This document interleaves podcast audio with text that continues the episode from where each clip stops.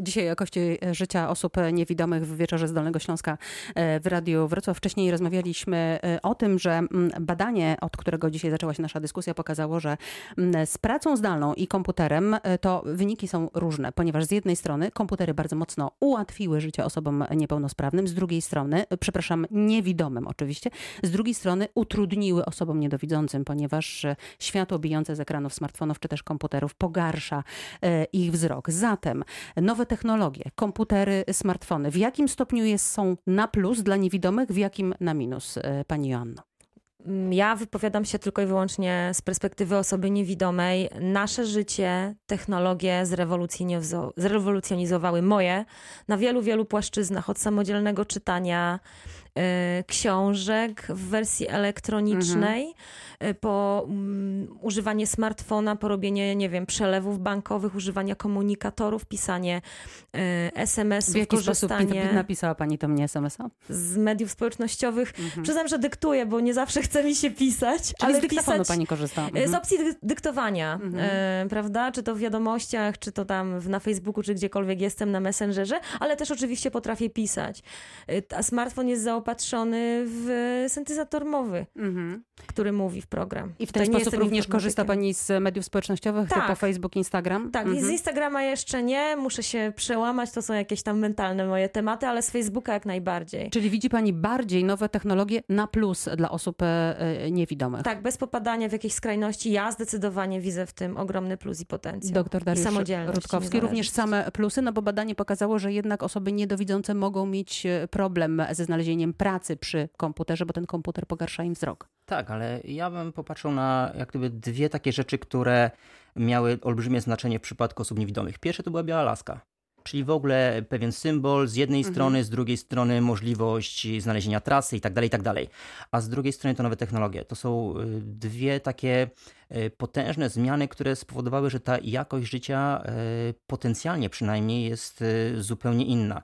Jeżeli patrzymy na dawne czasy, dawne takie, gdzie telefony, no pamiętamy My za starsze pokolenie pamiętamy czasy bez telefonów komórkowych. Mhm. E, pamiętamy czasy, gdzie nie można było podłączyć do centralki zwykłego telefonu i popatrzymy na sytuację osoby niewidomej wtedy, czyli tak, e, internetu nie mamy jeszcze, w ogóle nie wiemy, że takie coś może kiedyś będzie.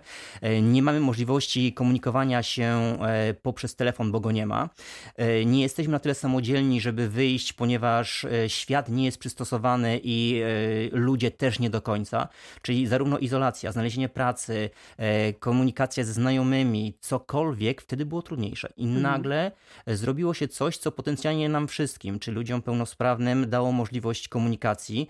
I o ile dla nas jest to bardzo wygodne, fajne, o tyle dla części osób z niepełnosprawnością jest to klucz do samodzielności, bo zarówno możliwość pracy zawodowej, e, z drugiej strony komunikacja z najbliższymi, załatwienie mhm. lekarza, wszystkiego po kolei, ale oczywiście znowu to jak wszystko będzie miało też e, drugą stronę, tak. bo to jak samochód z jednej strony nam nam ułatwia, ale z drugiej strony są wypadki samochodowe, tak tutaj komputer e, jest dla większości osób. Dla niektórych osób może być zbyt trudny system operacyjny, e, niektóre osoby będą korzystały ze starszych rozwiązań jak kajetki i tak dalej, i tak ale potencjalne możliwości są.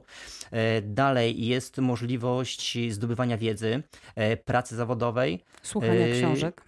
Słuchania książek oczywiście. Mhm. Natomiast też musimy wziąć pod uwagę to, że w przypadku osób, które jednak pracują wzrokowo e, i będą poświęcały mnóstwo czasu na pracę przy komputerze, to ten wzrok może być zmęczony. Mhm. E, człowiek może mieć uczucie, że go boli głowa, e, może mieć uczucie po prostu przemęczenia i tak jak matury są mm, zrobione w ten sposób, że jest zwykły czas matury plus jeszcze połowę.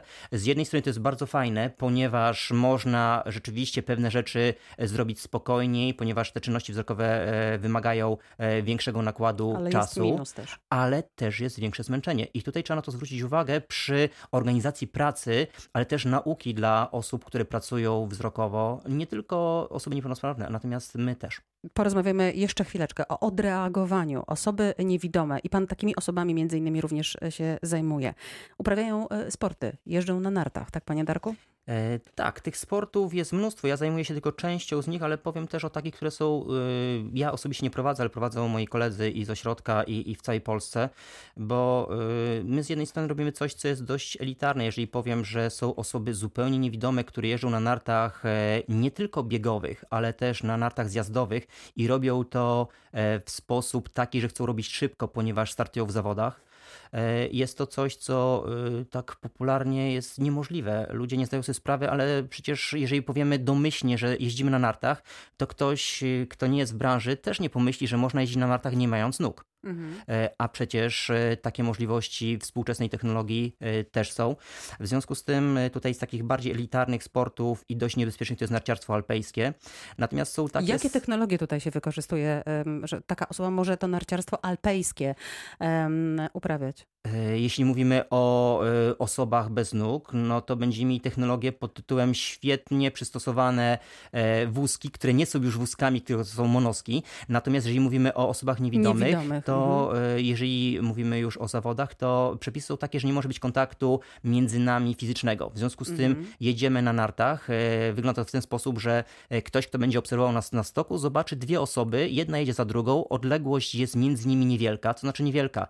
Najlepiej taka, żeby nikt między nas nie wjechał, ponieważ mm. bardzo często się zdarza, e, że między przewodnika a zawodnika e, ktoś, kto mm, albo nierozważnie jeździ, albo nie popatrzy dobrze, e, wjeżdża. Oczywiście jesteśmy oznakowani. E, w dawnych czasach jeździliśmy na nartach Ale to nie jest tak, że kasków. osoba niewidoma jest jakoś podpięta do nie swojego przewodnika. Nie może, nie może być. być. No nie mówimy o nauczaniu, bo przy nauczaniu mhm. jest to oczywiście coś innego. Natomiast jeżeli mówimy już o przygotowaniu do jazdy sportowej, jest między nami łączność tylko za pomocą dźwięku. To znaczy przewodnik ma głośnik na plecach, a osoba niewidoma jedzie za tym głosem, który słyszy. Muszę jeszcze dopytać o to, czy to jest tak, że pan namawia osoby niewidome do tego, żeby uprawiały sport, czy one od nich wychodzi inicjatywa, o, oni chcą. Tutaj wiele nie trzeba namawiać, ponieważ tych naszych wychowanków, którzy chcą robić coś więcej niż tylko przeżyć życie, e, mimo niepełnosprawności jest e, mnóstwo i teraz narciarstwo jest tylko mały wycinek, ale e, jest taki już łatwiejszy, bardziej bezpieczny Nordic Walking, ale jest też troszkę takich obco brzmiących nazw, bo to będzie showdown, goalball, piłka nożna dla osób zupełnie niewidomych i to wszystko się dzieje. Takie coś jest. Jest to dość widowiskowe dla osób, które to widzą pierwszy raz, jest to coś niesamowitego.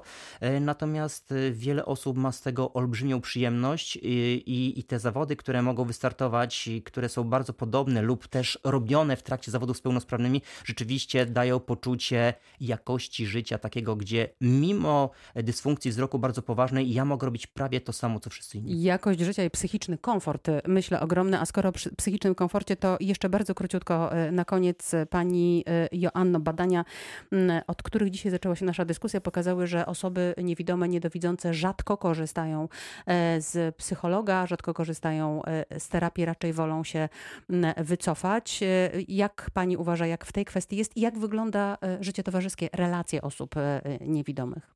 Życie towarzyskie to od wielu, myślę, rzeczy zależy od gdzieś tam pewnie charakteru osoby niewidomych, mhm. doświad doświadczeń, jakie mają.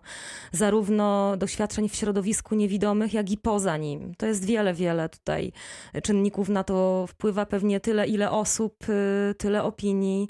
Y, jeżeli chodzi o doświadczenia z psychologami, tudzież psychoterapeutami, też pewnie bywa to różnie. Ja myślę, że to jest kwestia tak indywidualna, że gdzieś tam nie chciałabym może y, mhm. do końca jej poruszać, gdyż jest to, myślę, gdzieś tam wręcz intymna, powiedziałabym, y, taka, ta, ta, taka kwestia. No, dlaczego nie chcą, nie wiem, może nie chcą rozmawiać. Mhm. Jeszcze należy, wie pani, rozróżnić jedną rzecz. Osoba niewidoma, a ociemniała. Mhm. Osoba niewidoma, czyli taka jak ja, która nie widzi od czwartego miesiąca życia, bo wtedy mi to stwierdzono. Mhm. Natomiast osoba ociemniała jest to osoba, która traci wzrok później w swoim życiu. I to może to też powodować pewne blokady, ale mówię, ja się nie popieram badaniami. O własnych doświadczeniach na tym polu nie chciałabym rozmawiać, gdyż jest to sprawa zbyt indywidualna i pewnie ludzie, tyle je ludzi, tyle opinii w tej ostatnie, kwestii. E, ostatnie pytanie, e, co chcielibyście i użyję specjalnie tego słowa zobaczyć? Jaką zmianę chcielibyście zobaczyć? Mam na myśli doświadczyć, tutaj jasne. zmianę, którą my, e, osoby widzące, możemy zrobić. E, ja chciałabym, aby to, o czym teraz rozmawiamy, czyli sport osób niewidomych, samodzielne poruszanie się, korzystanie z różnych e, dobrodziejstw technologii, samodzielne bycie, życie, funkcjonowanie, teraz się o tym mówi, bo jest potrzebna świadomość. Ja bym chciała dożyć czasu w swoim życiu, że to będzie normą. Panie Darku, na koniec? No to takie jakby dwie myśli, które bym chciał przekazać. Jedna to jest taka, że czasem się pyta, jakie są osoby niewidome. I tutaj Asia powiedziała coś kapitalnego. To są tacy sami ludzie jak każdy z nas. Y, czyli będą mieli swoje zainteresowania, swój temperament, takie czy inne y, podejście do życia. Natomiast takim kwantyfikatorem, czyli takim ogólnieniem byłoby tylko to, że widzą zdecydowanie gorzej niż my. Mhm. I, I tutaj. Mm, jak gdyby postrzeganie człowieka, e, że jest niewidomy, to nie jest dobre rozwiązanie. Dla mnie jest to rozwiązanie takie, że postrzegam człowieka jakim jest, a czy widzi dobrze, czy widzi e, kiepsko, czy jest starszy, czy jest młodszy, to jest jak gdyby wtórna sprawa. I jeżeli tak podejdziemy do, e, do patrzenia na naszego współpracownika, na naszego sąsiada w tramwaju, sąsiada w, w bloku, to dokonamy to, pewnej zmiany już. Tak, to już będzie chyba to, że nie będziemy patrzyli na niego poprzez jakąś tam płaszczyznę niepełnosprawności, Natomiast y, tutaj bym chciał, żeby nam się wtedy budziło troszkę czujności, bo może będzie sytuacja, że fajnie było jemu pomóc, ale przecież tak samo jak każdy z nas może sobie pomóc i jak miałem wątpliwą przyjemność mieć rękę w gipsie, też musiałem poprosić kogoś o pomoc i, i nie jest to łatwe. E, natomiast... Ale warto sobie przypominać e, takie tak, sytuacje również ze swojego y, Natomiast życia. właśnie popatrzmy tutaj na człowieka, który jest i na jego możliwości. I tutaj bardzo bym chciał, żeby nam zostało e, też z tej audycji to, że możliwości osób z dysfunkcją narządu wzroku mogą być być potężne. I teraz często nie mamy świadomości. Od tutaj pokazaliśmy takie przyjaskrawione narciarstwo alpejskie, -hmm. e, natomiast to, że może być świetnym pracownikiem w korporacji, może sobie świetnie radzić z komputerem, może robić różne kapitalne rzeczy i z jednej strony zdajemy możliwość postudiowania, a z drugiej strony, jak już skończy te studia, niech ma świetną, godną pracę. I, I nie tym... musi być ciężarem, balastem, tudzież kulą u nogi. I czy to tym... w relacjach, czy w pracy, czy gdziekolwiek. Dokładnie. I tym optymistycznym akcentem. Możliwości y, osób niewidomych są ogromne, jak, jak słyszeliśmy. Bardzo pięknie Państwu dziękuję za za dzisiejszą wizytę w studiu. Joanna Zdobylak, dziękuję. Dziękuję pięknie. I doktor Dariusz Rutkowski również dziękuję. Dziękuję ślicznie. Katarzyna Górna-Drzewosz, dziękuję za dzisiejszy wieczór i życzę